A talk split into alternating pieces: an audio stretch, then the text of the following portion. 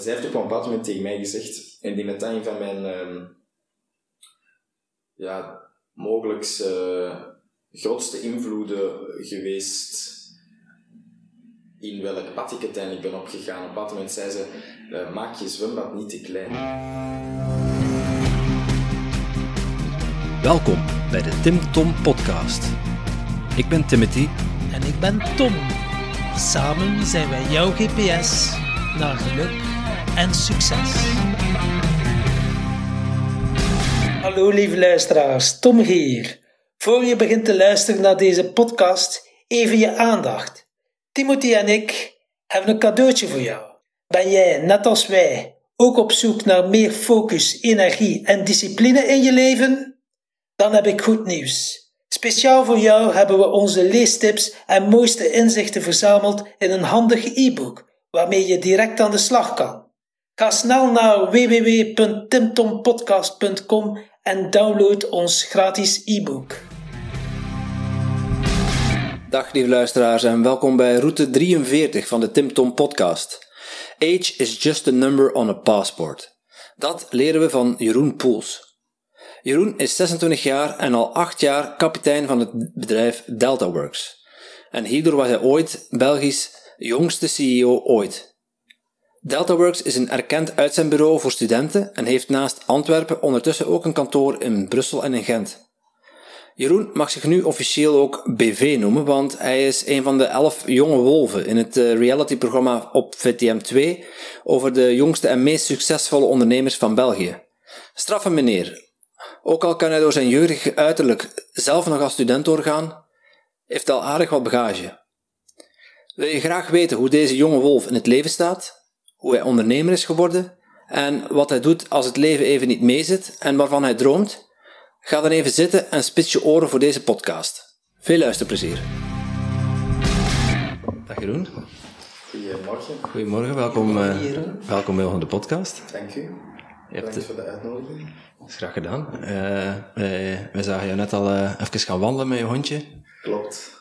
Uh, toch nog even de natuur opzoeken voordat je ja, zo'n gesprek aan moet? Het is vooral, het is vroeg vooral. Ik ben niet zo'n ochtendmens. Zou jullie verwachten dat ik om tien uur in het hol van Pluto stond, dus dat wilde zeggen vroeg opstaan. Dus ik moest, ik moest nog even een deftig wandelingetje maken met, met Theo, ja. Even wakker worden. Sorry? Even wakker worden. Ja, wakker worden, ja. Ik ben nog aan het wakker worden trouwens. Oké. Okay, dus ik hoop, dat, ik hoop dat het vlot gaat gaan. Ik hoop dat de koffie deugd doet. Ja, absoluut. Doe je, dat, doe je dat vaker zo de natuur opzoeken? Um, goh, dat ligt eraan eigenlijk. Ik, uh, als ik reis wel, om eerlijk te zijn. Um, de zee bijvoorbeeld, dat is, echt, uh, dat is echt mijn happy place. Ik ben een fanatieke duiker. Um, dus ja, dat is natuur natuurlijk. Hè. Ja. Um, maar eigenlijk ook alle verre reizen die ik al gedaan heb, dat is ook meestal gewoon met de de natuur in, uh, of toch zeker combo's. Ja. Gewoon uh, echt wel backpacken? Dan, Ja, denk ik zo eh, dan denk ik specifiek Azië bijvoorbeeld? Of is dat Ja, dan... ik heb zo bijvoorbeeld uh, Kilimanjaro beklommen in Tanzania. Of inderdaad in Azië veel rondgetrokken. Ik heb in Afrika veel getrokken. Um, ja. En wat doet dat? Uh, ja, dan krijg je waarschijnlijk heel veel inzichten. Of is dat gewoon om alles een keer uh, weg hier vanuit België en vanuit de headset, vanuit de drukte te zijn? Of is het... Ik denk voornamelijk dat laatste. Hè. Ik kies meestal mijn bestemmingen liefst met zoveel, zoveel uur tijdverschil en zo weinig mogelijk telefoonbereik. Aha. En dat is meestal in de natuur. Hè. Ja, zeker. Heel bewust. keuze. Ja, hier zit je dan wat dat betreft ook heel goed. Want uh, telefoonbereik is hier verschrikkelijk. Uh, Fantastisch. Ja. Tof. Uh, ja, kun je, ons, uh, kun je ons eens vertellen wie, uh, wie is Jeroen? ik ben Jeroen Poels. Ik ben de CEO en oprichter van DeltaWorks. DeltaWorks is een uitzendkantoor gespecialiseerd in studenten. Um, ik ben 26 jaar. En ik ben ondertussen 8 jaar aan het ondernemen. Acht jaar? Ja. Dat is straf. Je was er al vroeg bij. Op mijn 18 begonnen, ja. En toen ging je nog naar school, neem ik aan. Ik ging toen nog naar school, ja. Ik heb mijn uh, ik heb nogal turbulente middelbare schoolcarrière achter de rug. Um, ik was uiteindelijk ook een jaartje vroeger afgestudeerd dan voorzien, dus dat was, ehm, dat was niet echt gepland, maar dat is wel zo gelopen. Dus ik op mijn 17 naar de hogeschool gegaan en dan op acht, mijn 18 jaar echt de zaak opgestart. Maar ik was eigenlijk al een jaar bezig. Zoals eigenlijk op je... Uh, 17 was ik eigenlijk al wel bezig. En, en ook in de uitzendbranche? Eigenlijk altijd hetzelfde, ja. Maar initieel wel een, eh, een sterke focus op hospitality profielen.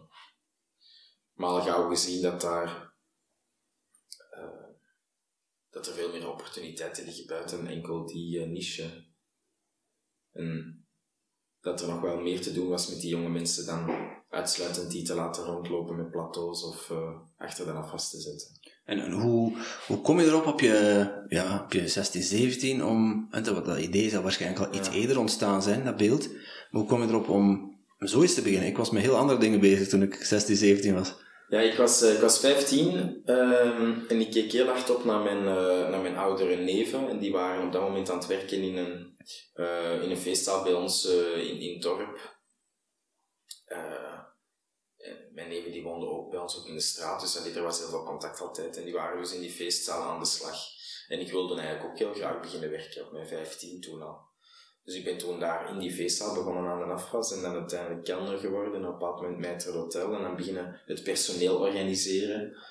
Um, ja, dat waren dan eigenlijk mijn vrienden die ik meenam om te gaan werken. En zo is het eigenlijk, uh, van daaruit is eigenlijk is Deltaworks ontstaan. Kwamen zich ineens heel veel vrienden aanbieden die dat werk zochten. Ik had, ik had niet voldoende werk meer op die ene plek. Dus ja, dan ga je op zoek naar ander werk. En op een moment zie je wel gewoon de opportuniteit en de schaalbaarheid in dat idee. Wat ik doe hier voor die 20 vrienden, dat kan ik eigenlijk ook doen voor alle 200.000 uh, studerende jongeren in Vlaanderen bijvoorbeeld. En dat idee kwam 16, 17 jaar? Kwam op dat idee? Ja. Of kan je op het moment uh, voor de geest halen dat je dacht van wauw, ik kan dat hier opschalen, dat kan hier boomen?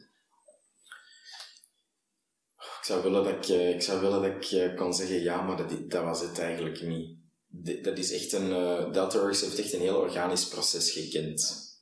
Dus dat is echt, dat is begonnen vanuit de, want ik had op een bepaald moment, toen ik 17 jaar, 16, 17 jaar was, dat op mijn, ja, ja, die leeftijd had ik de ambitie om die feestzaal over te nemen op een bepaald moment. Dus er was absoluut nog geen sprake van Deltaworks. Um, Maar dan op een bepaald moment wel gewoon uh, een soort van besef gekend dat, um,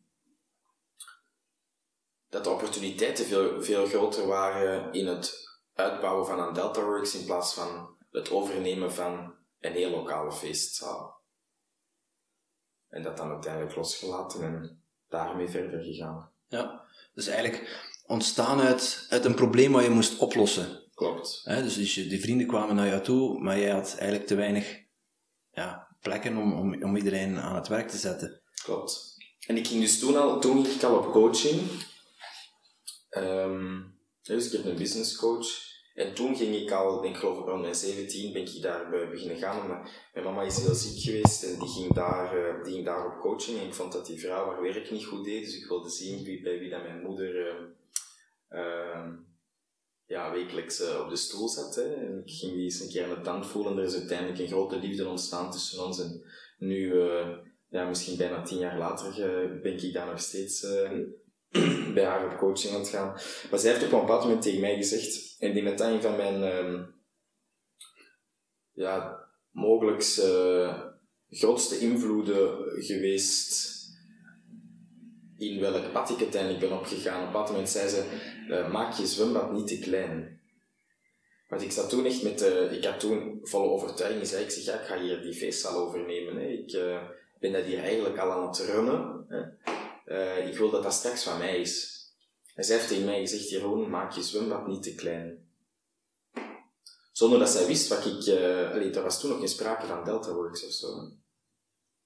Ja, zij zei wel van, uh, oké, je gedachten zijn de enigste beperking, dus als jij denkt enkel die feestzaal, kan je het niet groter zien uiteindelijk, dan beperk je jezelf. Ja, klopt. Maak je zwembad niet te klein. Dat is mooi. Mooi woord. Ja, dat, was, uh, dat, dat is het beste advies dat iemand mij ooit gegeven heeft. En vanaf toen eh, zag jij in van, eh, ik moet dus groter denken. Ehm, je hebt dat probleem pro- proberen oplossen door ja, opportuniteiten te zoeken in eh, ja, andere Dat feestzalen, maar andere locaties. de- eigenlijk is het iets ongelooflijk, hè, wat dat uw mind, de invloed dat uw mind heeft eh, op, op eigenlijk alles wat je doet in het leven. Het moment dat zij zei tegen mij, maak je zwembad niet te klein, ineens, plots was ik in een groter zwembad aan het zwemmen. En ziet je ook andere opportuniteiten, en ziet je ook... En dat is het, dat, ik vond dat, ik heb dat altijd waanzinnig gevonden, want die opportuniteiten van DeltaWorks, die waren op dat moment, waren die daar al. Want ik was al mijn vrienden te werk aan het stellen in die feestzaal. En ik had dus, ik zou dus eigenlijk prima van in het begin het idee kunnen gehad hebben om helemaal niks te doen met die feestzaal, maar eigenlijk een uitzendkantoor te willen starten. Hoewel dat ik op dat moment natuurlijk niet wist wat een uitzendkantoor was, maar op zijn minst het idee. Maar dat is nooit in mij opgekomen. Het is pas het moment dat je het besef hebt dan, eh, ik ben mij hier aan het limiteren, mogelijks. Ja, het zou wel kunnen dat ik toch op bepaald moment gedacht had van, ja nee, deze is wel de juiste beslissing, ik ga voor die feestzaal gaan. Dat, eh, dat er ineens andere dingen op je pad komen. Heel bijzonder. Ja, maar je moet de kansen dan, eh, je kunt ze zien, maar je moet ze ook wel grijpen natuurlijk. Ik denk dat dat het kaf van het koren scheidt. Het, verschil tussen mensen die willen ondernemen en de effectieve ondernemers zijn de mensen die op de trein springen in plaats van toeschouwer zijn van de trein die passeert. Het is niet moeilijk, pas op. Het is niet per se, ehm, ik kan niet zeggen dat het gemakkelijk is, maar het is, eh, het is gemakkelijker om de opportuniteiten te zien, maar ook effectief eh, ervoor te gaan en de risico's te nemen. Ja, dat is, dat is toch nog wel net iets anders. Ja, wat kan me dan wel voorstellen? Oké, je hebt dan dat idee, hoe zet het dan in de markt? Heb je dan eens iets van, oké, ik ga een team rondom mij verzamelen? Of dacht je van, hm, ik doe hier alles eh, alleen? Ja, in het begin doe je, in het begin deed ik alles alleen in die zin dat, hè, dus ik, nog even een stapje terug, hè, dus die feestzaal. Dus wat, wat deed ik daar? Ik was daar eigenlijk met hotel en ik had daar mijn team die dat samen met mij het feest begeleide, organiseerde, uitvoerde. Ja, op een bepaald moment was er niet meer voldoende werk in die feestzaal voor iedereen die wilde werken. Dus ja, dan moet je op zoek gaan naar eh, externe opportuniteiten of andere klanten. Eh, long story short, ik vind die eerste klant, maar het principe daar was exact hetzelfde. Ik ging als maître d'hôtel voor die cateraar op dat moment, eh, ging ik werken en ik had de afspraak dat elk feest die ik als maître d'hôtel organiseerde voor hen, gebeurde met Met jouw personeel. met Ja. mijn personeel. En dat was het. En dat was eigenlijk mijn businessmodel. Dus die schaalbaarheid in het begin, en dat is eigenlijk best wel komisch, eh, dacht ik, die ligt erin. Als ik ervoor kan zorgen dat mijn hoeveelheid meter hotels toeneemt, dan kan ik ook veel meer mensen te werk stellen. Mhm. Dat is ook een manier om, om op te schalen. Ja. Dat was op dat moment mijn idee van opschalen. Achteraf gezien natuurlijk compleet belachelijk, want allee, dat, is, dat is geen schaalbaar model in wezen, hè, want dan ben je zelf nog steeds... allee, dan, is u, dan is uw model volledig gebaseerd op die meter hotels die je al dan niet vindt. Oké, goed.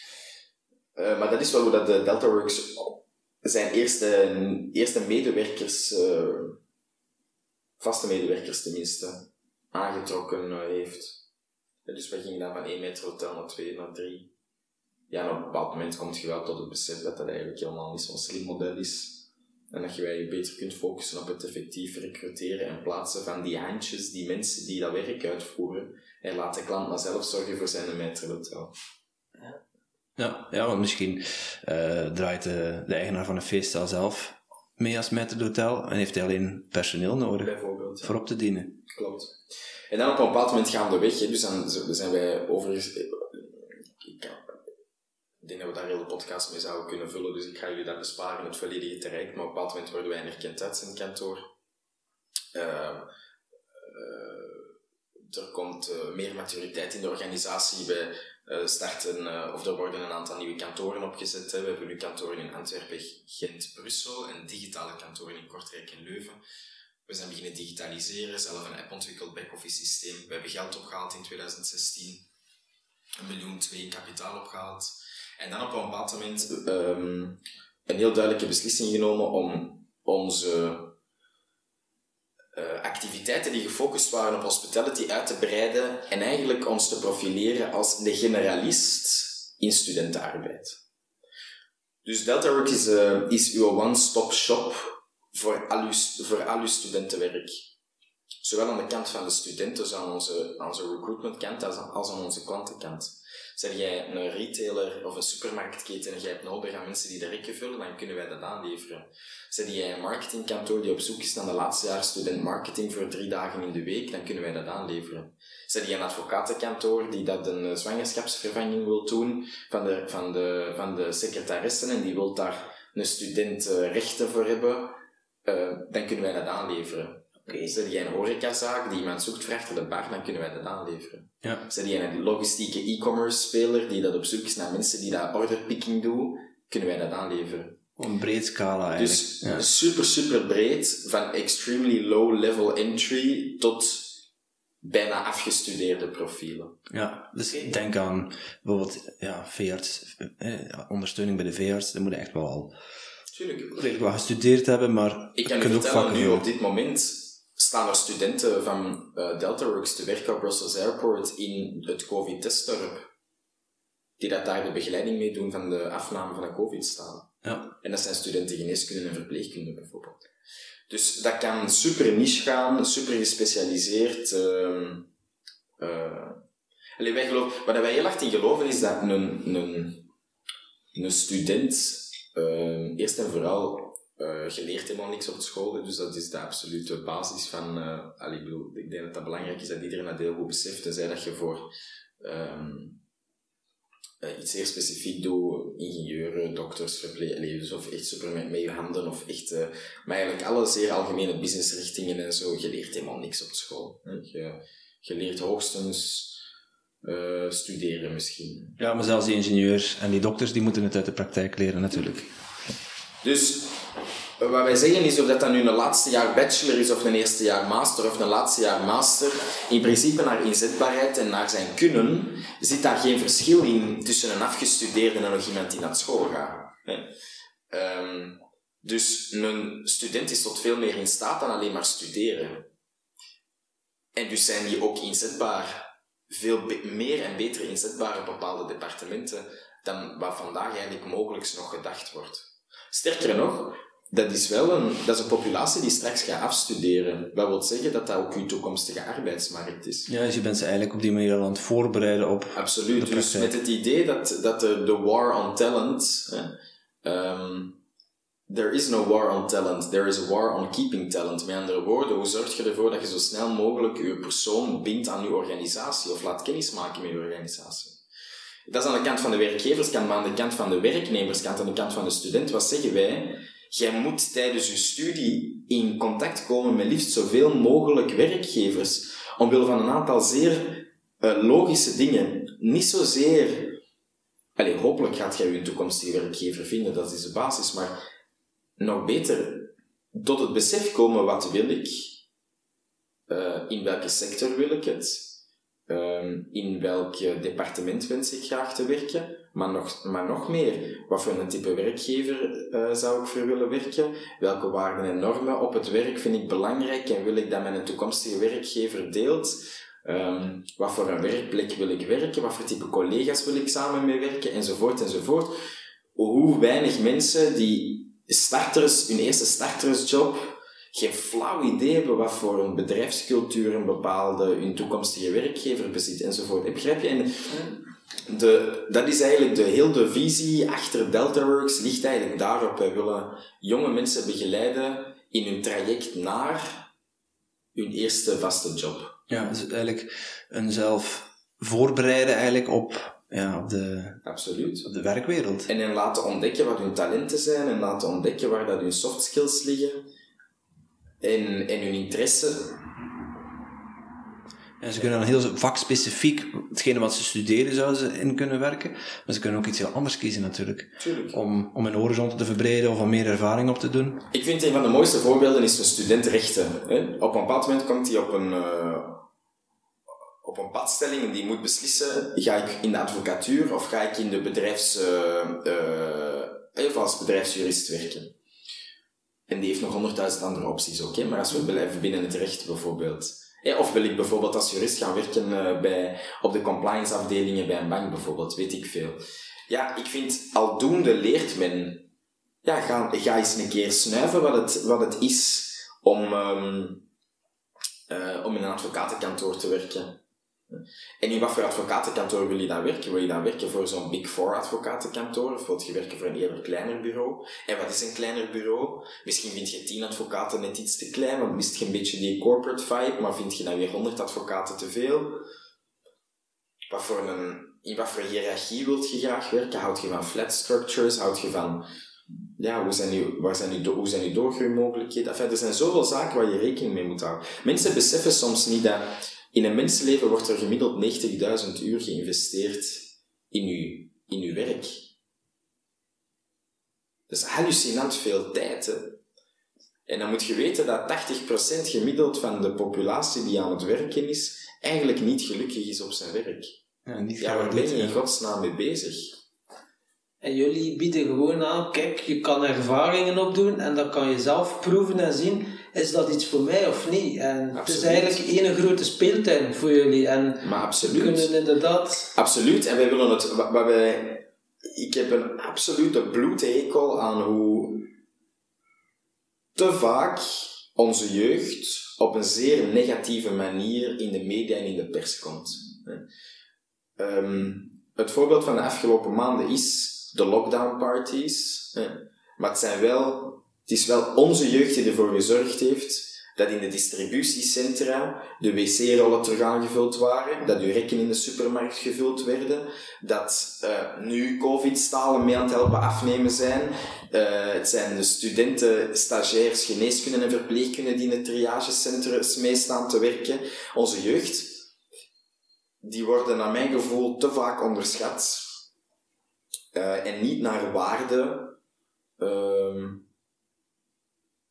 geschat, zeg je dat zo? Ja. Ja. En, En, en ingezet, ja. en, ehm, en vaak op een, op een te kinderlijke manier aangesproken.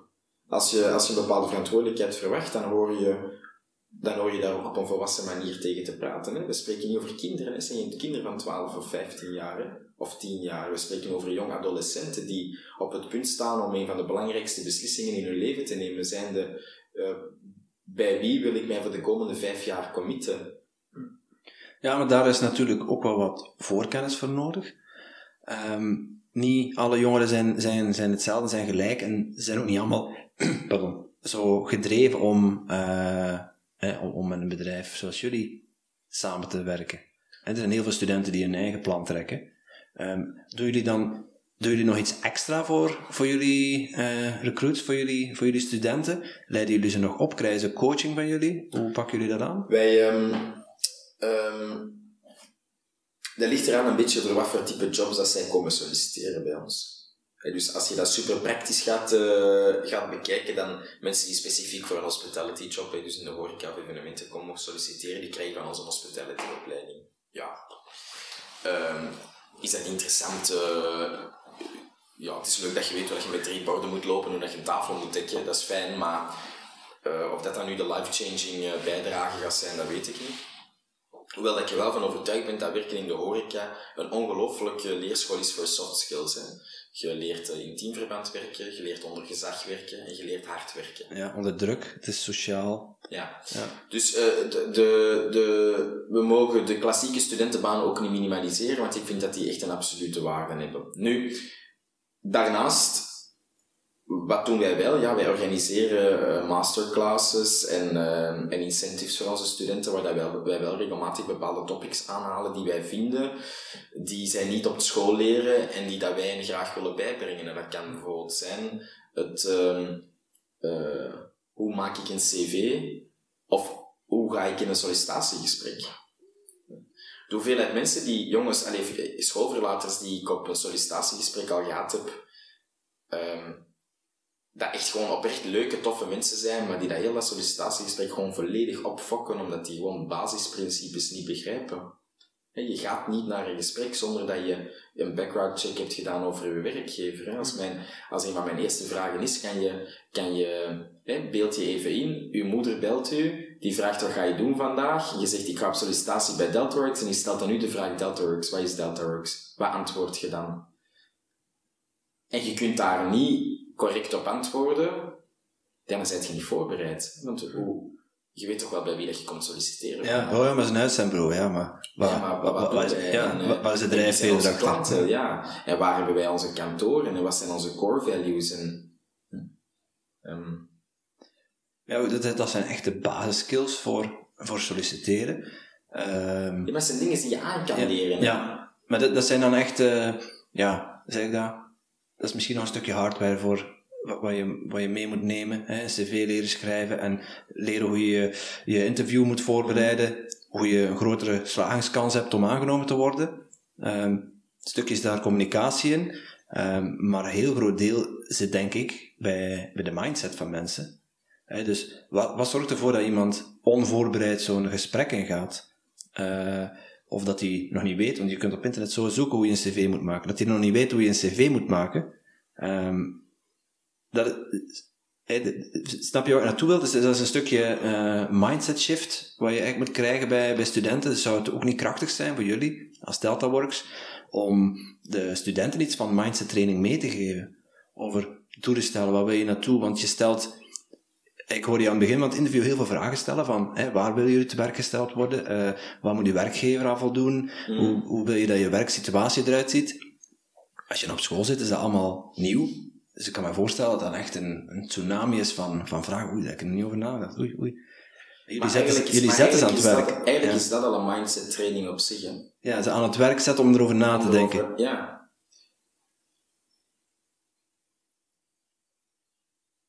Je, je hebt zelf ook coaching gekregen, hè? Mhm. of krijgt nog steeds coaching.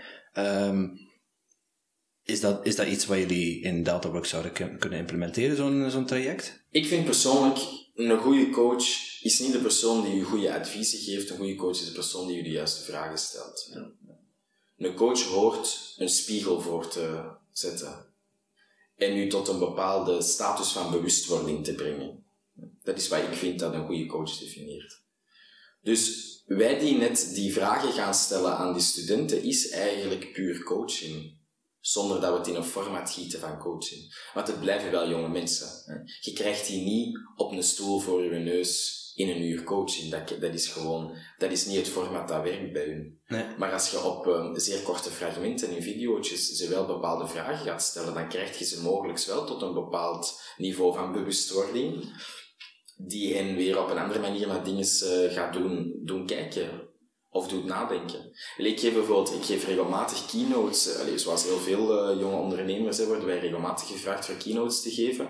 En ik breng, ik breng vaak deze, deze dingen, neem ik heel vaak mee. En ik, ik hoop dan dat de audience op, daar op een bepaalde manier gaat over nadenken van, fuck ja, ehm, nu zit ik al, al 24 maanden van mijn studie elke zaterdag op café pinten te tappen.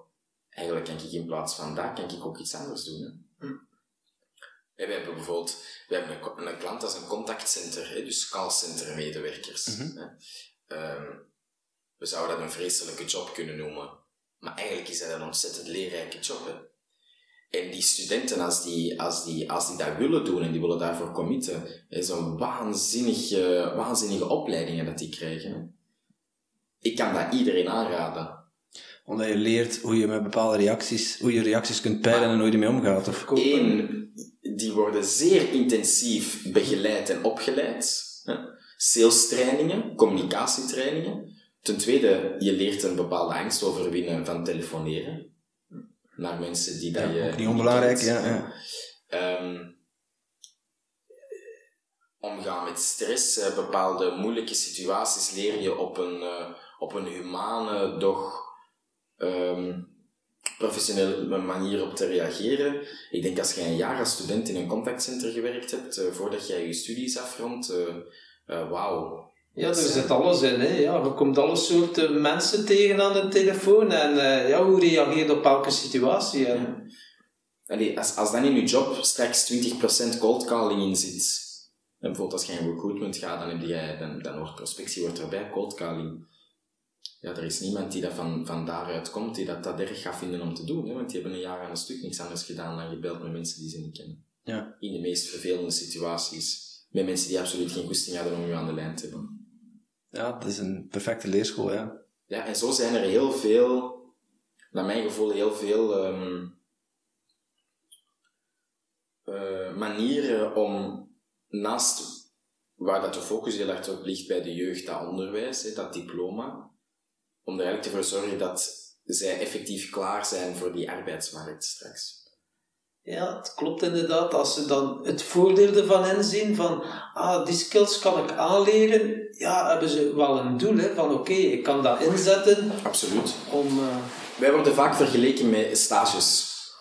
En dan zeggen ze, ja, maar ja, die, veel van die mensen krijgen toch stages. En dan zeg ik, zeg, ja, dat klopt, maar ook niet. Want ten eerste, die stage is eh, beperkt in de tijd. Je hebt tegenwoordig al wel langere stages van ettelijke maanden, maar doorgaans is die wel beperkt in de tijd, altijd in een bepaalde periode. Hè. Ehm, die is gratis. Er wordt vandaag nog, er wordt nog naar een stagiair te vaak gekeken als cheap labor. Eh, er zijn zeer weinig bedrijven die effectief moeite doen in het, het doel te hebben om die student echt iets bij te brengen. Ik, vind, ik vind persoonlijk, als je, ik vind dat een grote verantwoordelijkheid hè, van een bedrijf om een stagiair aan te nemen. Want jij draagt de verantwoordelijkheid om ervoor te zorgen dat die persoon bij u een heleboel dingen geleerd heeft op de zeer beperkte periode dat hij bij u aan de slag is. Dus eigenlijk hoorde jij tijd te steken in die student en die student hoort geen werk te doen voor u. Hè, want dat is het idee van een stage. Zijnde dat die studenten daar dingen leren, maar die gaan geen dingen leren door daar gewoon aanwezig te zijn en koffie te zetten en, eh, en, en, Kopies te en pakken, kopies te ja. maken. Nee, nee. Dus, en, en, en op die manier wordt er niet gekeken naar die stagiair door de, door de professionele wereld. Er wordt gekeken naar die stagiair als cheap labor. Ja, ik vind dat niet fair. Draai het om. De moment dat je betaalt voor iets, gaat onmiddellijk je verwachtingspatroon wijzigen. En hoort die persoon ook te presteren, maar zijn die ook bereid om ervoor te zorgen dat hij zo snel mogelijk gaat presteren? En het is een hele, ehm, eigenlijk is dat een, eh, dat is een vettig mindsetje, vind ik. Maar dat werkt wel. Op het moment dat die werkgever u aan het betalen is per uur om iets uit te voeren, en die weet op voorhand dat er een bepaald opleidingstraject nodig is om effectief tot die daad te komen van het uitvoeren van dat werk, ja, dan gaat hij alles op alles zetten om ervoor te zorgen dat dat in zo min mogelijke periode gebeurd is. Met andere woorden, die student leert veel meer door als een, student, met, als een studentenjob ergens aan de slag te gaan, in plaats van een bepaalde stage uit te voeren. Dat klopt inderdaad wel. Bijvoorbeeld op scholen ook. Die kennis is gratis. Die motivatie is ook al minder. Maar bijvoorbeeld ja, als volwassene en je doet een avondopleiding, daar betaal je voor. En je mindset is ook helemaal anders. Omdat je dan ook wel weet, oké, ik heb er betaald, ik ga je wel die opleiding doen. En ik ga er nu wel alles uithalen. Klopt. Ja, ik, ik hoorde jou net, eh, ik hoorde jou dingen zeggen over eh, belemmerende overtuigingen. Dus je hebt het over, over geld gehad, maar ook over cold calling, angst om, om vreemde mensen te spreken. Zijn er zo, eh dus eigenlijk een mooi bruggetje naar de vraag van de vorige gast. Ehm, ik, ga, ik ga het aan Tom de eer laten om, eh, om ze te stellen. Eh, zijn er eh, belemmerende, is er een belemmerende overtuiging waar dat je vanaf zou willen en welke overtuiging zou je in de plaats willen?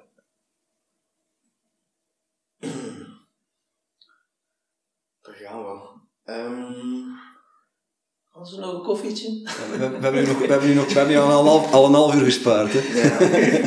ja, ja, dat is, al, ja, dat is waar, dat is lief. Ehm, een belemmerende overtuiging.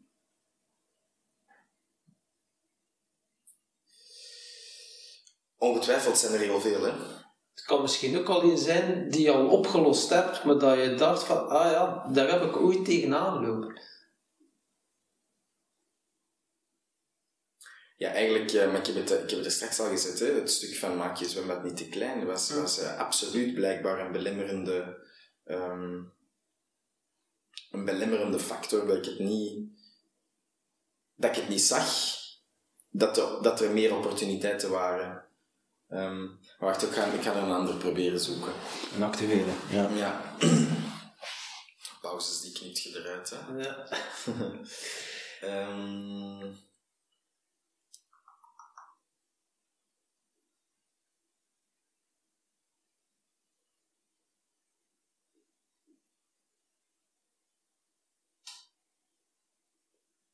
Ja, Ehm, vrij actueel vind ik. Ehm, ondanks dat ik, dat, ik ehm, er denk ik eh, best wel goed in slaag om zeer zelfverzekerd over te komen. Zeker in situaties waarin dat ik vind dat dat nodig is. Dus met andere woorden, mijn, mijn kwetsbaarheid een beetje verschuil. Eh, zit er toch een bepaalde type van faalangst in mij. Ehm, en ik merk dat die, eh, dat die angst om te falen groeit naarmate dat ik ouder word. En eigenlijk, eh, eh, ik denk dat dat logisch is en niet logisch is. Ehm, maar ik heb, de absolu- ik heb het absolute grote voordeel gehad om echt heel jong te beginnen ondernemen. Omdat je, eh, je staat met quasi geen ehm, ja, risico's. eh, de- wat, wat is dat? De, de, je, eigenlijk waren er geen risico's. Ja, als alles misliep, ik wel terug thuis bij mijn ouders wonen. En ik vind naarmate dat je ouder wordt, eh, ehm, krijg je op een bepaald moment, je, heb je een huis gekocht en je zit een hypotheek aan het afbetalen en je organisatie groeit en je hebt meer mensen, dus ook meer verantwoordelijkheden. En ik, eh, ik merk ook dat dat soms als, een, eh, als iets belemmerend eh, werkt. En ga je dan bijvoorbeeld dingen uit de weg dat je denkt van, "Pff, als ik dat doe, is de kans wel wat groot dat ik faal? Ja, de reden waarom, dat ik, waarom dat ik zei dat ik, dat ik het actueel vind, is omdat dat nu in die coronatijden eh, toch wel een aantal keer gebeurd is. Dat je eigenlijk voor de vooravond staat van eh, belangrijke nieuwe aankondigingen. Bijvoorbeeld, hè, we, we weten allemaal dat er vrijdag terug... eh, maar dat is niet zo relevant natuurlijk, want die mensen weten niet wanneer dat opgenomen Onze is. podcast is tijdloos, dat is waar. maar- Tijdloos, ja. Dat is wat ik geleerd heb tijdens de televisieopnames trouwens. Alle timestamps, die moeten proberen te vermijden om te zeggen, want dat wordt toch volledig kapot geknipt. Ja, wij doen dat niet, maar... Ehm, dus ehm, de... Maar de huidige situatie Ja, levert... de huidige situatie, dus als je weet dat er een persconferentie aankomt en je, je weet dat die cijfers van die coronabesmettingen gewoon niet goed zijn, dan, dan, dan weet je automatisch, ja, er gaat hier iets veranderen. Hè? En dan kun je twee dingen gaan doen. Dan kun je ofwel... En als je dan bepaalde belangrijke beslissingen hoort te nemen, ja, dat zijn gewoon wel... Dat zijn eigenlijk momenten waar dat je als ondernemer op je best moet zijn. Scherp uiteindelijk. Ja, moet, zijn, moet zijn van uzelf, of... eh, Nee, dat is gewoon wat nodig is op dat moment. En hoe, hoe uitzicht dat bij jou dan? Ehm, eh, heel vaak, laten we zeggen meestal, eh, slaag ik daar wel in. Hè. Ehm, maar er zijn ook al wel de afgelopen maanden een aantal keren geweest. ehm, trouwens, dat moment is ook mooi te zien op aflevering 2 van De Jonge Wolven, eh, dat het niet altijd even Ja. gemakkelijk is. eh, ehm, Ja, dat is wel bij die eerste golf corona zeker. hè? De persconferentie dat je dan... Dat was de tweede, de tweede golf. De eerste golf was eigenlijk die... ehm die eerste golf voor ons was walk in the park bijna. Dat was eh, heel bizar. Dat was niet leuk, hè. Maar wij waren voorbereid. ehm, en, en dat liep. En we hadden werk ook nog steeds. Maar die tweede golf, dus daar die, die lokale Antwerpse lockdown, dat heeft wel echt op mijn moraal gehakt. Ja, en toen had ik het wel, eh, dat, toen had ik het lastig. En dan had je even, ja, even in de put of even, het komt allemaal op u. En hoe ben je er dan uitgeklauterd? Gewoon van, even een keer goed ademen? Of uh, duurde het iets langer dan eh, een keer even goed ademen? Ja. Ehm, ik heb eh, mijn, mijn verwerkingsprocescyclus eh, is vrij kort. eh, allee, ik vind dat ook vrij kort, dat duurt een paar dagen. Maximum. En dan is dat gewoon een knop die wordt omgedraaid en... ehm, ja, en terug... eh, ja, dan is het tijd van in een hoekje. Dan kan je dat echt wel loslaten en achter u laten. Ja. Dan blijft dat niet meer sluimeren. Van, Nee. Dan trekt er een streep onder en heb je zoiets van, focus terug op de dingen die wel goed zijn. En ehm, heb je daar bepaalde tools voor, of zijn er bepaalde manieren waarop je, hè, want dat is eigenlijk ook weer die mindshift die je, die je dan maakt, Eh, heb je bepaalde manieren om, om, dat, ja, om terug on track te komen? Bepaalde rituelen of eh, routines die je dan doet? Ja, wat ik, wat, wat ik probeer te doen is als ik voel dat ik in zo'n situatie terechtkom, dan probeer ik daar ehm, zeer bewust mee om te gaan. Als in van te erkennen dat die situatie aan het gebeuren is. Proberen vanuit de, de, een bepaalde metapositie daarnaar te gaan kijken. Wat is er hier aan de hand? Hoe komt, dat, hoe komt het dat ik mij voel zoals ik mij voel op dit moment? Ehm, en dat ik echt als het ware vanuit een helikopterview standpunt probeer te begrijpen, bekijken, analyseren. En dan komt waarschijnlijk die oplossing ook wel vanzelf. Op het moment dat je in die stress blijft zitten, ja, stress zorgt ervoor dat je niet meer helder kan nadenken. En als je niet helder kan nadenken, dan kun je ook niet met oplossingen komen.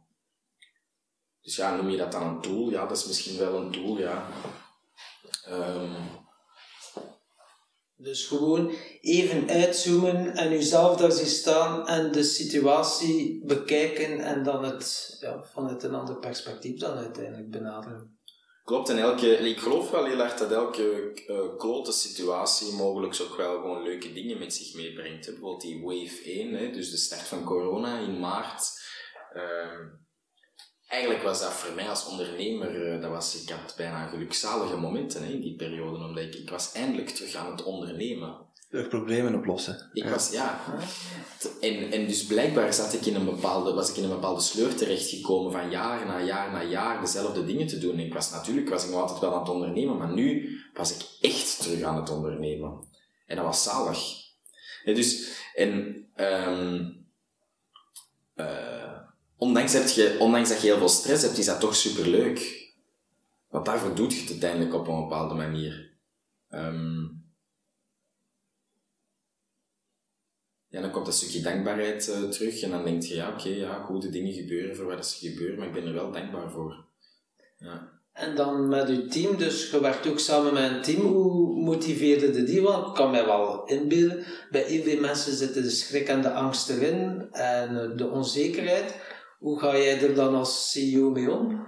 Dat heb ik mogelijk als een van de moeilijkste, dat vond ik mogelijk een van de moeilijkste zaken om eerlijk te zijn. Hoe zorg je ervoor dat je je team gemotiveerd houdt. En zeker op momenten waarin dat bij u zelf de motivatie soms in uw, in schoenen zit. En, uh, uh, maar goed, uh, ja, ik, ik ben kapitein van het schip, dat is mijn verantwoordelijkheid. Hè. Dat, wordt, dat hoort er nu gewoon eenmaal bij. en ook daar weer ehm, er proberen voor te zorgen dat ehm, dat er een luisterend oor is wanneer dat, dat nodig is, maar dat er ook uh, uh, motivatie gegeven wordt wanneer dat nodig is. Uh, um. En wat ik wel gemerkt heb, is, en dat is dan wel weer, ook misschien weer eigen aan, aan, aan, onze leeftijd mensen of zo, maar op een bepaald moment waren die doodongelukkig thuis. Hm. Dus die, die hunkerden om terug naar kantoor te komen. Terug de contact en feeling met het bedrijf. Ja het zijn ook lastige situaties thuis, ja. En je zit allemaal thuis. Um, hoe, heb, heb je specifieke dingen gezegd in je team om, om ze te motiveren? Of, uh... Natuurlijk de, de klassieke teamcalls en zo, die dat denk ik elk bedrijf wel doet, die hebben we gedaan. Maar goed, ik heb ook op regelmatige tijd zitten bijvoorbeeld bij iedereen thuis bloemen laten leveren of uh, dat soort dingen gedaan. Gewoon leuke extraatjes. Uh, om, die, om, die, om toch die, die connectiviteit die er was bij ons, om die wel op een bepaalde manier te behouden. Maar dat is, dat is, niet, dat is echt niet eenvoudig, vind ik. Um, goed, op een bepaald moment hebben we wel gewoon beslist om terug, uh, dat mensen terug welkom waren op kantoor. Ik ga daar niet over liegen. Um, de moment dat telewerken natuurlijk niet meer verplicht was, hè, maar um, ja, dan merkte je gewoon dat, wat ik dacht eigenlijk, dat de meesten zouden zeggen, nee, wij blijven thuis, want dat quasi iedereen eigenlijk diezelfde dag nog op kantoor stond. Ja, straf. Dan moet er daar wel een hele goede groepsdynamiek zijn en sfeer, want anders ga je dat toch niet bereiken, denk ik dan. Ja, sfeer en gezelligheid is, uh, allee, daar is bij ons ge, uh, geen tekort. Um, en wat doe je ervoor, voor die sfeer en gezelligheid? Dat begint waarschijnlijk al bij de sollicitaties, dat je al aangename persoonlijkheden gaat aannemen of zo. Of zorg je nog voor extra's? Natuurlijk, nee, wat, ik persoonlijk heel belangrijk vind, is dat er een culture fit is. Hè? Dus de persoon die dat we aannemen, die moet passen binnen de organisatie. Dat is, voor mij is dat de absolute basis. Ik heb andere mensen die echt op competenties gaan uh, recruteren en dat doen zij. Waar, waar ik meestal op aftoets is cultuurfit. En dan mag dan nog inhoudelijk de beste kandidaat zijn, die gaat het niet worden als, dat, als ik het niet voel. Hè? Want en dan spreekt het over iets voelen. Hè? Dus je kunt dat soms ook niet we kunnen dat niet kwantificeren. Hè? Wat is dat? Uh, of kwalificeren, dat is iets, dat zit in uw buik, gevoelt het of gevoelt het niet. Um, maar ik denk dat wij als werkje, ja, wat, wat doen wij allemaal? Eén, ik denk dat wij, of ik ben ervan overtuigd dat wij een prachtig kantoor hebben. Dus de werkomgeving is extreem aangenaam, heel veel groen, veel planten. Echt een beetje een urban jungle bij ons. Uh, heel veel ruimte, veel licht, alle, heel veel ramen. Um, ben iemand die bijvoorbeeld heel gevoelig is aan muziek, dus er staat altijd, uh, er is een bepaalde, hangt, een bepaalde sfeer die komt vanuit de muziek. Er is een hele grote open keuken die, uh, die, die, die gebruikt wordt op een dagelijkse basis door iedereen. Uh, er wordt samen gekookt, samen gegeten. Ik heb een absolute bloedhekel aan mensen die achter hun computer aan het eten zijn, dus dat, mag gewoon niet bij ons. Onze eetruimte en onze werkruimtes zijn opgesplitst voor een, een duidelijke reden. En wil je eten, dan ga je naar de eetruimte, dan ga je daar gezellig aan de grote tafel zitten en dan ga je daar eten. Maar je eet niet achter je bureau. Um, ja, dat soort zaken zorgt dat je automatisch een bepaalde dynamiek krijgt. Hè. Als jij gewend bent om een boterhammendoos mee te pakken en achter je, achter je scherm uh, je boterhammen aan, boterhammen aan het opeten bent, of jij uh, bent gewend om uh, in het centrum te, uh, te werken en altijd gewoon naar buiten te gaan op je eentje een broodje te gaan eten, ja, dan heb je dat contact met je collega's niet. Bij ons is dat niet zo. Bij ons wordt er elke middag samen gegeten. Dat is prachtig. Ja, en dan heb je ook een duidelijk verschil tussen werk en, en pauzemomenten. Klopt. Ook niet onbelangrijk is. Ja. Klopt. En er wordt regelmatig naar het einde van de dag, want er wordt best wel hard gewerkt bij ons, naar het einde van de dag, onze frigo's die zullen altijd vol met bier staan en en, uh, en het gebeurt heel regelmatig dat er een pintje opengetrokken wordt en dat er uh, uh, Marco Borsato luid wordt uh, meegekeeld. En, dus die, die sfeer die hangt er wel. Ja, en dan natuurlijk de klassieke zaken als incentives die dat wij doen. Wij doen elk jaar gaan we op vakantie met heel de organisatie. Dan verhuizen wij ons kantoor naar het buitenland voor een week. Wow. veel teambuildings. Um, uh, van de kerstdiners tot de ver, elke verjaardag wordt gevierd uh, met taarten, met koffiekoeken en uh, dat organiseren wij gewoon allemaal als werkgever. En kom jij dan op die ideeën of heb jij zo inspiratiebronnen waar dat je... Ik heb... Dat, dat is echt iets dat vanuit de organisatie komt. En natuurlijk door mij wordt aangemoedigd. Ja. Over inspiratiebronnen gesproken, wie zijn zo je grootste inspiratiebronnen? Als ondernemer of op gebied van persoonlijke ontwikkeling? Of wie heeft er wel serieus impact op jou gehad? Ik denk meer mensen dan dat ik soms zelf besef. Nu, ik ben. Uh,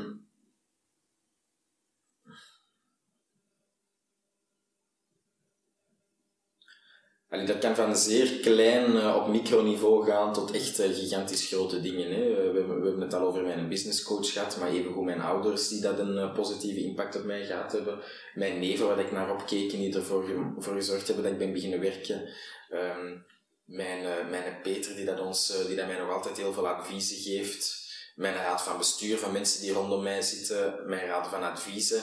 Ja, dat zijn allemaal dat is op microniveau. Alleen met, met microniveau bedoel ik gewoon in zeer nauw contact, kleine kringen, uh, uh, niet per se de, de Gandhi's of zo hè, van, uh, van de wereld, terwijl dat, mogelijk wel mijn Nelson Mandela's zijn, maar niet per se voor iedereen. Hè. Um, ja, en daarnaast natuurlijk echt grote voorbeelden, echt op, op wereldniveau. Ja, er zijn er wel een aantal van. Um, kijk bijvoorbeeld, waar ik heel erg naar opkijk, is um, ehm, eh, hoe Obama bijvoorbeeld erin slaagt om eigenlijk best wel.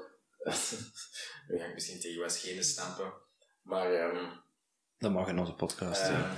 eigenlijk best wel slecht beleid gevoerd heeft in zijn acht jaar als presidentschap, maar er toch voor gezorgd heeft dat hij met zijn communicatiestijl eh, de wereld van hem is gaan houden. Hè? En ik kijk er wel heel erg naar op, want dat is een geboren communicator, die gast. hè. Moest ik eh, eh, Nike of Adidas zijn, of Apple of Facebook, ja, ik zou hem willen mijn, mijn marketingteam runnen. hè. Dus Dat dat was zijn- inderdaad, er had een legertje vol met NLP'ers en hypnotiseurs uiteindelijk. hè, Die de teksten schreven echt wel om die mindbending language en noem maar op. En die ongelooflijk hoe dat die... subliminale... Ja. Absoluut. Ja, en de, de, de klassieke voorbeelden als de, de Steve Jobs van deze wereld en zo, ja, dat is wel gewoon, dat is extreem, extreem indrukwekkend.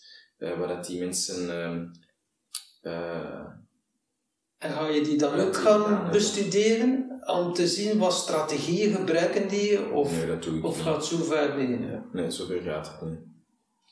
Ehm, ik lees graag, maar ik doe dat eigenlijk niet. Mhm. Dus als ik op vakantie ben, dan eh, zal ik ze wel een boek meenemen. Bijvoorbeeld nu, ja, deze. Maar vaak ben ik ook doelvakanties aan het doen, dus dan heb je eigenlijk ook al automatisch weinig tijd om te lezen. Ehm,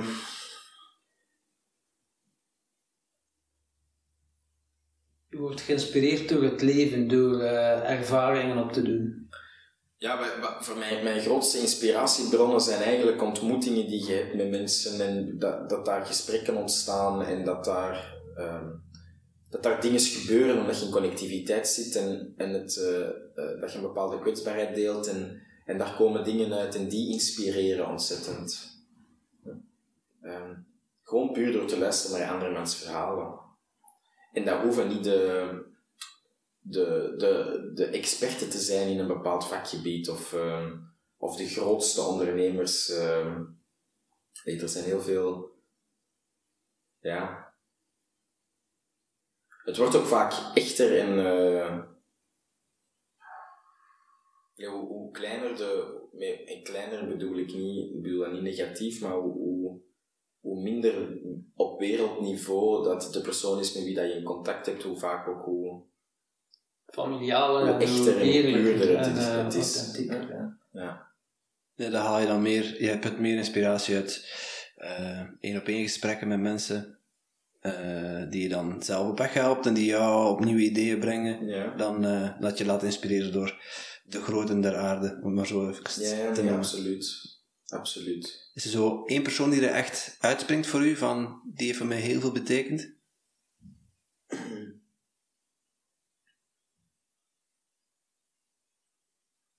Dat vind ik moeilijk.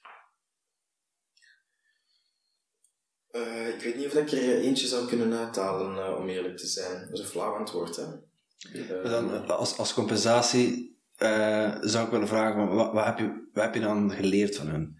Als je er twee of drie in je hoofd hebt zitten.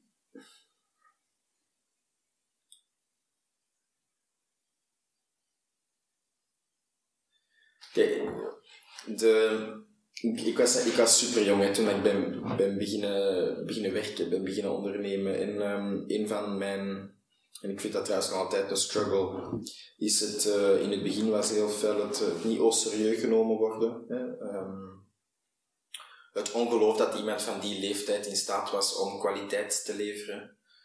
Ehm, het gebrek aan gunfactor. Eh, dat is echt, eh, dat is echt mogelijk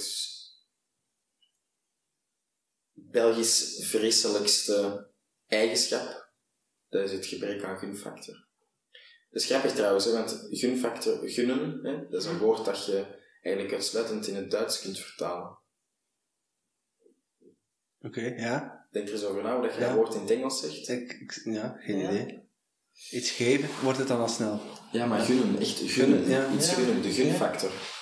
Dat woord bestaat niet in het Engels. Nee?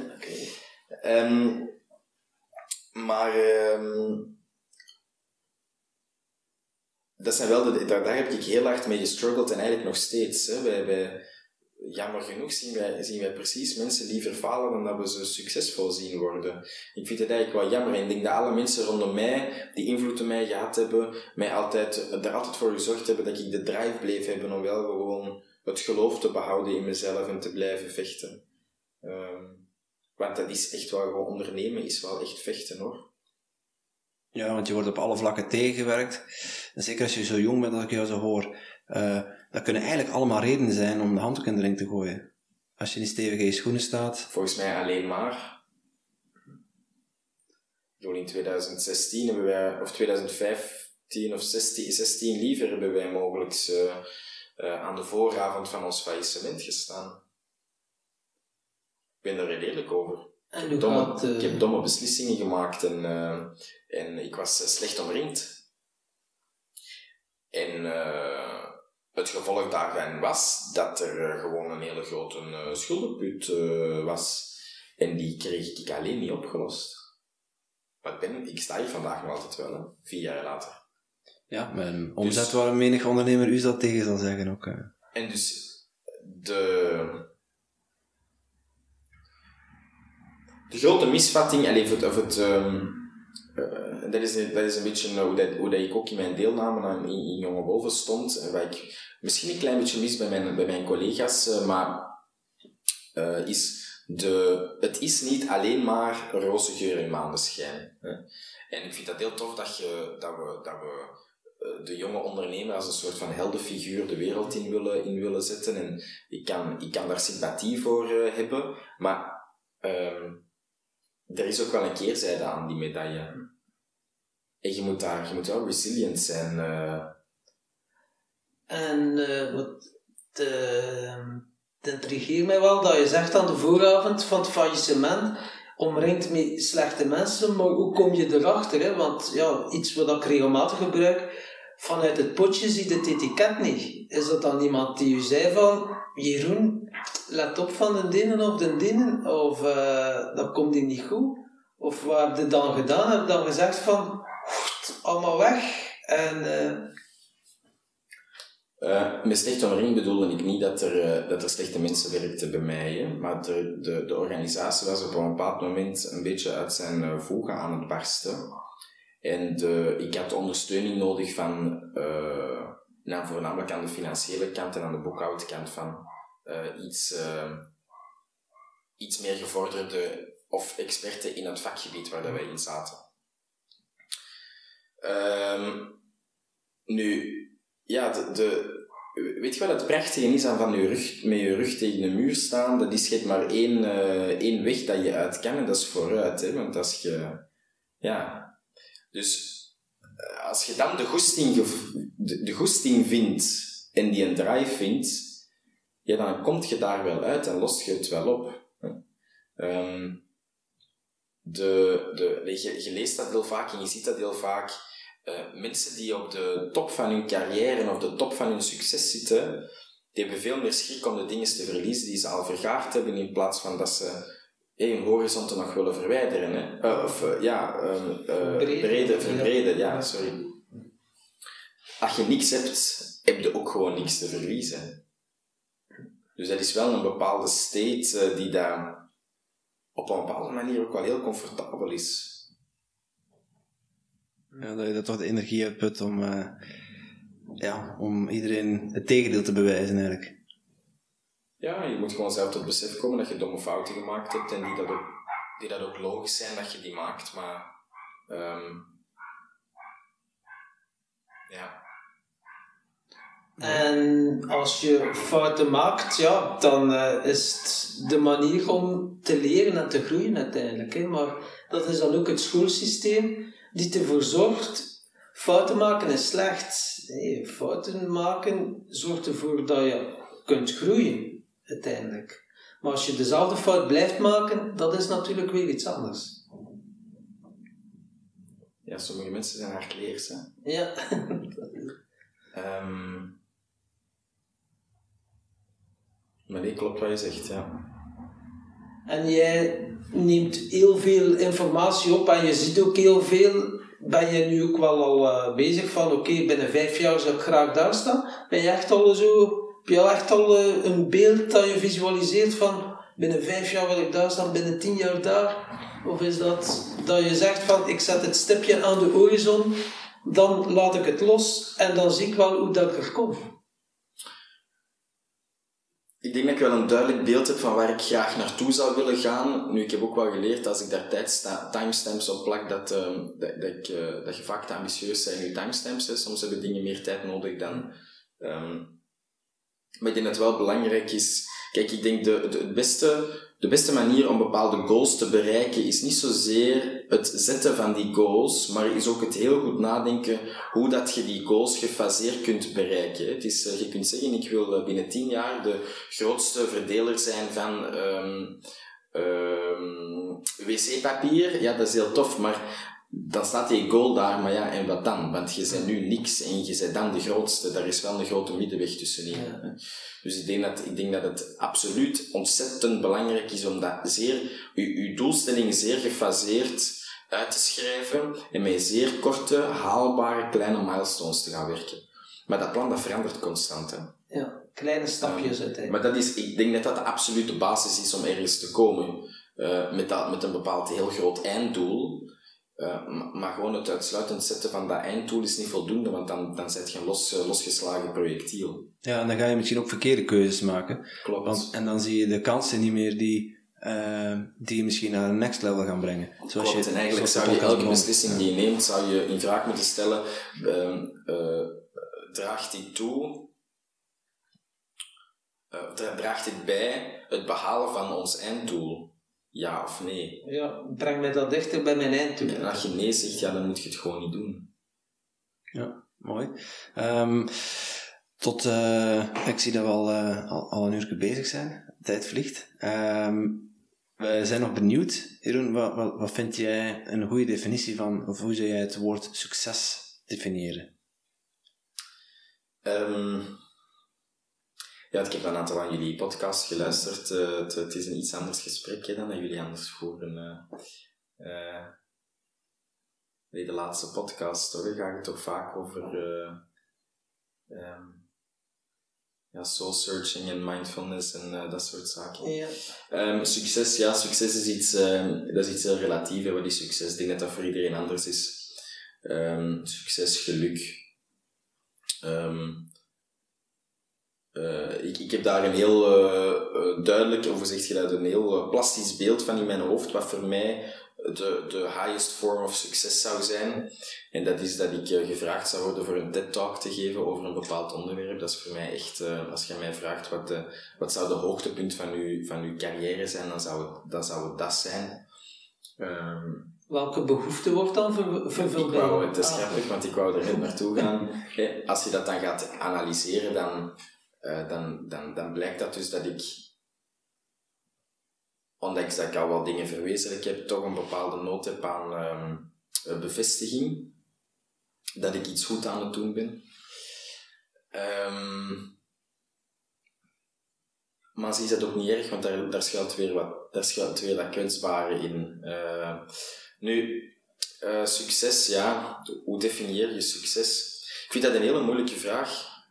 Want succes is meer dan gewoon uitsluitend eh, succesvol een organisatie runnen of iets succesvol straks gaan verkopen. Ehm, of eh, eh, ja. Ik zeg altijd, ik, ik werk om te leven en ik leef niet om te werken. Waar zeg ik werk? Ja, het is goed gezegd. dat eh, Klinkt herkenbaar. Ja, nee, dus ik werk eh, om te leven en ik leef niet om te werken. En de moment dat ik straks niet meer de dingen kan doen eh, die, mij, die mee mijn leven een gelukkig leven maken, die ik trouwens kan doen dankzij het heel hard werken, want ik ben wel bereid om heel hard te werken, maar wel op voorwaarde dat ik heel hard werk, net om mijn leven te kunnen leven. Ja. Dan, dan stop ik er ook gewoon mee, denk ik. En dan mogen ze het voor een euro hebben allemaal. Als het op dat moment nog geen frank waard is, dan, dan stop ik er ook gewoon mee. Ehm, dus ja, succes, en, eh, succes ja, een, combinatie van een heleboel factoren voor mij. Ehm, omringd zijn met fijne mensen, eh, eh, ehm, nog altijd allee, nieuwsgierig in het leven staan, geïnteresseerd in het leven staan, nieuwe mensen leren kennen, warme connecties hebben, succesvol zijn op het werk, dat de zaken goed gaan. wat ik leuk vind aan ondernemen is dat ik zelf mag kiezen met wie ik werk. Hè. Dat vind, vind ik een van de allerleukste dingen aan een eigen zaak hebben. Um, is dat ik mag zelf mag kiezen ja. wie mijn collega's zijn. Um, ja, is dat een beetje een antwoord op? Ja, dat is Zeker. een heel mooi antwoord. Ja, ik vind het ook mooi dat je, dat je het woord plastisch daarin gebruikt, omdat ja, we kunnen die vraag volgend jaar opnieuw stellen aan jou en dan gaat er misschien een heel ander antwoord komen. Omdat je dan ook weer anders in het leven staat, dus dat is, dat is mogelijk. zo boeiend aan die vraag. Ja, dat is, dat is heel goed mogelijk. Nu, de... Die TED-talk die zit al lang in mijn hoofd. Oké.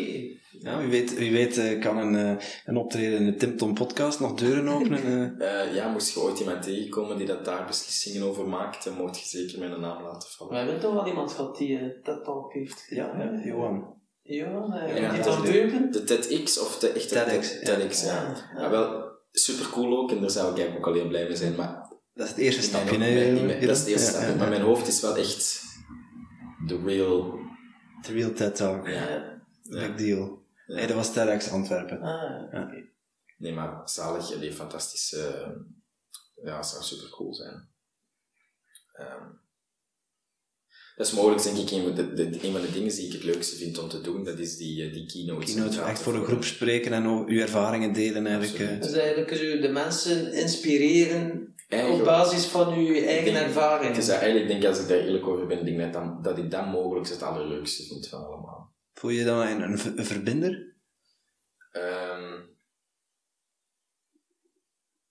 of is het eerder inspirator, motivator? ik denk meer het laatste, ja. Um, plus opnieuw, ja, de, de, ik vind dat gewoon, dat geeft mij zo'n ongelooflijke kick om een aula van een paar honderd mensen te, voor te moeten spreken, die dat daar allemaal zitten, omdat die naar uw verhaal willen komen luisteren.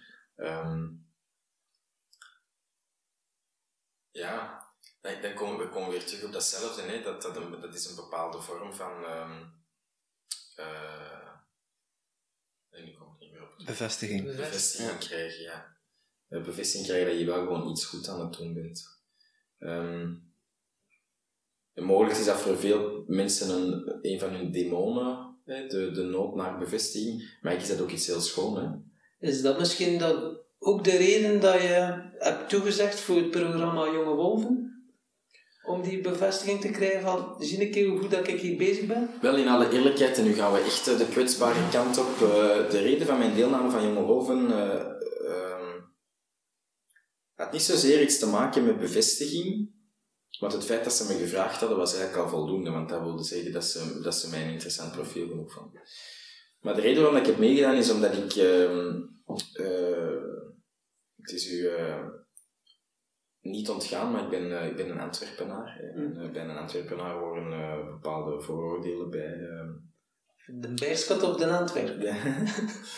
dat gaan we in het midden laten, maar de, de ik, ik heb wel, laten we zeggen, uh, bij heel veel mensen, als er wordt gesproken over Jeroen Poels, en dan spreek ik over eh, voor de jonge wolven, want die DeltaWorks, ja, DeltaWorks is wel gekend onder dat studentenpubliek, en zeker in Antwerpen, veel mensen kennen dat, dus bij gevolg kennen ze, allee, weten ze dus ook wel wie ik ben. En er wordt wel heel vaak gezegd dan, of er werd heel vaak gezegd van, ah, wel, eh, wel een arrogante zak, of eh, een beetje in die, in die trend. Um, en ik heb dat uh, ik heb dat altijd wel gewoon heel jammer gevonden dat dat het beeld was dat mensen van mij hadden, terwijl ik.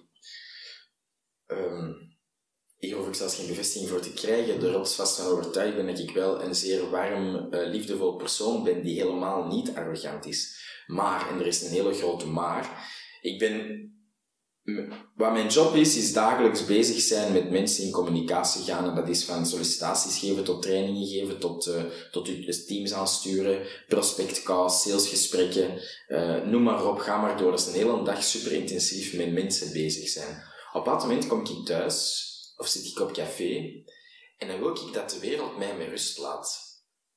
Begrijpelijk, ja. Per uitzondering van de mensen met wie ik op café zit. En dus ik kan me heel goed inbeelden dat als ik dan op dat moment op café zit en er passeren mensen en er komen mensen dag zeggen of uh, en, en de standaardvraag en hoe is het met een delta? Dan kan ik geloven dat ik op zo'n momenten misschien wel eens een keer um, op een eerder arrogantere of met een arrogantere houding antwoord van eigenlijk mijn non-verbale communicatie zegt dan laat mij alsjeblieft met rust. Ja. En ik dacht, oké, okay, goed, ik wil meedoen aan, uh, aan Jonge Wolven, want ik wil, ik, wil mijn, ik wil mijn kwetsbare kant ook laten zien aan Kijkend Vlaanderen, want er schuilt ook naast die zelfverzekerde, uh, toch wel harde ondernemer Jeroen, schuilt ook wel een heel klein hartje en ook wel gewoon een mens. Uh, en ik wil geloven dat, en mijn ouders hebben daar heel hard hun best voor gedaan, wel een schone mens, alleen als in van die dat ja, en dat is dan ook wel aardig gelukt. Hè. En jonge wolven, dan ze, eh, ben je blij met het resultaat hoe dat je bent uh, weergegeven? Ja, ik vind je alleszins een warme persoonlijkheid. Ja, van mij ja ik denk, ik denk de, de, daar waar ik bang voor had, dat is het zeker niet geworden. Hè. Dus dat is, uh, dat, is, dat, dat, dat, dat is fijn. Um, ja, ik denk wel dat het gewoon een weerspiegeling is van wie, wie ik als persoon ben. Ja. Uh, misschien, uh, misschien te serieus op bepaalde momenten soms mis ik, uh, mis ik zo wat de waffen. Uh, oh ja. uh, maar goed, ja. Um, ja. En natuurlijk, allee, een van de andere redenen die geldt voor alle tiende kandidaten die meedoen, of alle elf liever. Ja, het, het, is leuk om een inspirator te zijn hè, op een bepaalde manier. Zeker. Want er zijn gewoon heel veel mensen die, die met ideeën zitten en die dat of de moed niet vinden of een extra push moeten hebben om het straks gewoon te gaan doen. En als deze programma daartoe bijgedragen heeft, dan... Allee, als wij één iemand hebben aangezet om te beginnen ondernemen, dan is het eigenlijk al een succes geweest. Ja, zelfs de oudere garde, zoals ik, ik heb er ook heel veel inspiratie uit gehaald. Ik dacht van, no limits. Age is, age is just a number on a passport. Hè. Ik vind dat jammer dat wij soms te vaak in generaties denken of in leeftijden denken. Je zou, je zou moeten kijken naar de persoon die voor je neus zit en... Uh, en misschien wel meer rekening houden met de leeftijd van de ziel in plaats van de leeftijd van het lichaam. Dat vind ik wel een mooie dat ze zeggen, in plaats van 45 jaar zeg ik, ik zit in level 45. maar het is gewoon zo, ja. En, en, moest iedereen zo kijken, ja, dan zouden ze misschien mij ook uh, op businessvlak misschien wat meer opportuniteiten gunnen of zo, maar ook even goed gewoon. Uh, ja, ik heb al allee, de, de, de meeste de meest fantastische gesprekken gehad met mensen die te, twee, drie keer mijn leeftijd zijn, bijvoorbeeld. Uh, ja, dat is, dat is,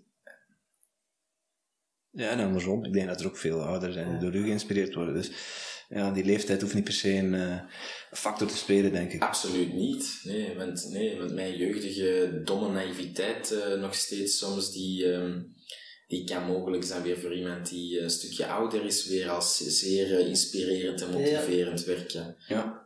Um, ja, je hebt ook een rugzak met allemaal ervaringen. Ja, en andersom net hetzelfde, ja. ja. Um, als je een definitie zou moeten geven aan, uh, aan geluk, Jeroen, was dat dan, wat zou dat voor jou zijn? Een definitie? Definitie, ja.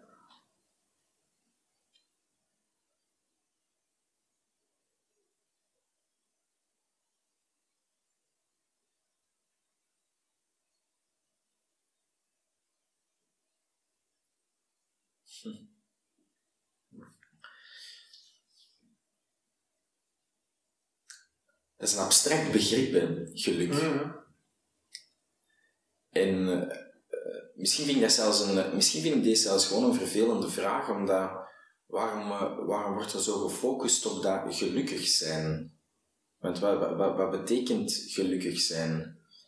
En, en weet, weten wij eigenlijk wel wat, wat voor ons gelukkig zijn betekent? Wat maakt jou bijvoorbeeld gelukkig? Ja, maar dat zijn, dat, dat, dat, dat zijn een heleboel dingen kunnen dat zijn. En de ene keer maakt het mij, maakt mij iets gelukkiger dan de andere keer. Ik kan ongelooflijk gelukkig worden van een vettige pita te eten op een uh, dinsdagavond uh, met mijn verse pint. Maar die pita gaat mogelijk drie dagen later minder lekker smaken en mij dus mogelijk minder... Allee, dus, en ik vind ook de, de, de, de de hoogtes worden mooier als er laagtes ook zijn. Dus verdriet bijvoorbeeld en, en, en angst en boosheid en de, wat wij beschouwen als de meer negatievere uh, gevoelens of emoties. Ja, ik, ik vind dat niet per se negatieve of, of, of, of, slechte emoties. Er bestaat, er bestaat niets Dat bestaan niet, slechte emoties. Maar het zijn gewoon emoties die minder fijn zijn om te hebben, maar die, die zorgen er wel net voor dat je... Dus ja, dat kan voor, voor mij gelukt, dat, dat kan van alles zijn. Ehm, maar ik denk dat de, de, de basis voor mij is um, omringd zijn uh, met mensen die, die ik graag zie en die mij graag zien. Heel mooi. Tot slot, eh, Jeroen, we hebben nu ook een, eh, een mooie vraag gesteld van de vorige gast. Nu is het jouw beurt. maar ik weet wie dat de volgende gast is. Uh, normaal gezien is het iemand, een coach en veerkracht. Ja. We geven geen garanties. Maar we geven geen garanties. We hebben nog wel gehad op het laatste moment werd afgebeld en dan is het Dat er nog wijzing gebeurd. Um,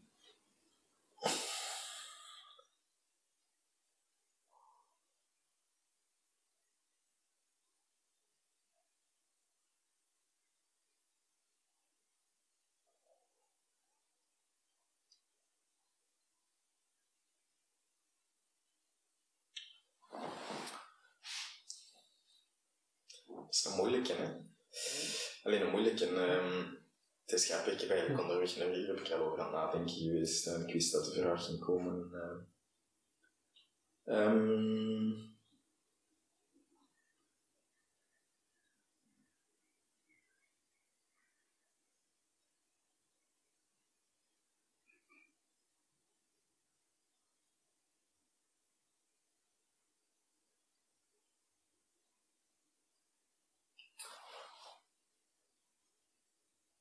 Oké, ik, heb, ik, heb een, uh, ik heb een leuke vraag, denk ik. Um,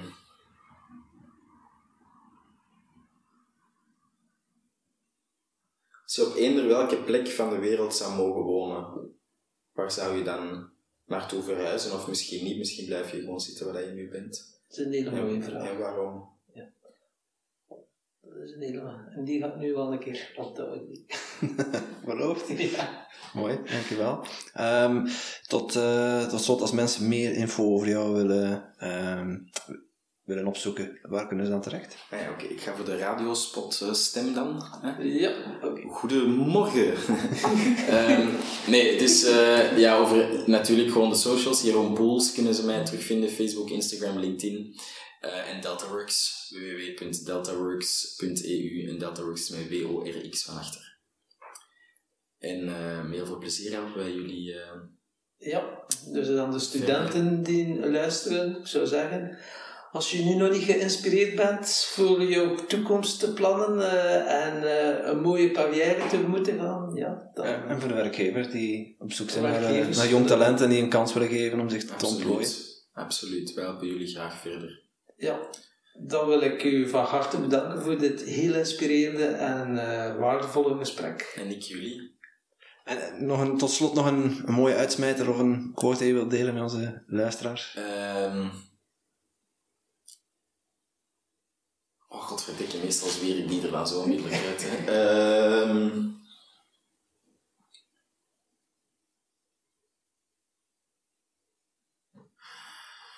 staat op je TEDx-podium en je mag nog twee, zingen zeggen.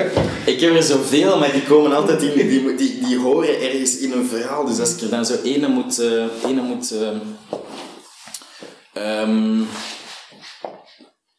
oh, Het verhaal van the middle of nowhere. Um,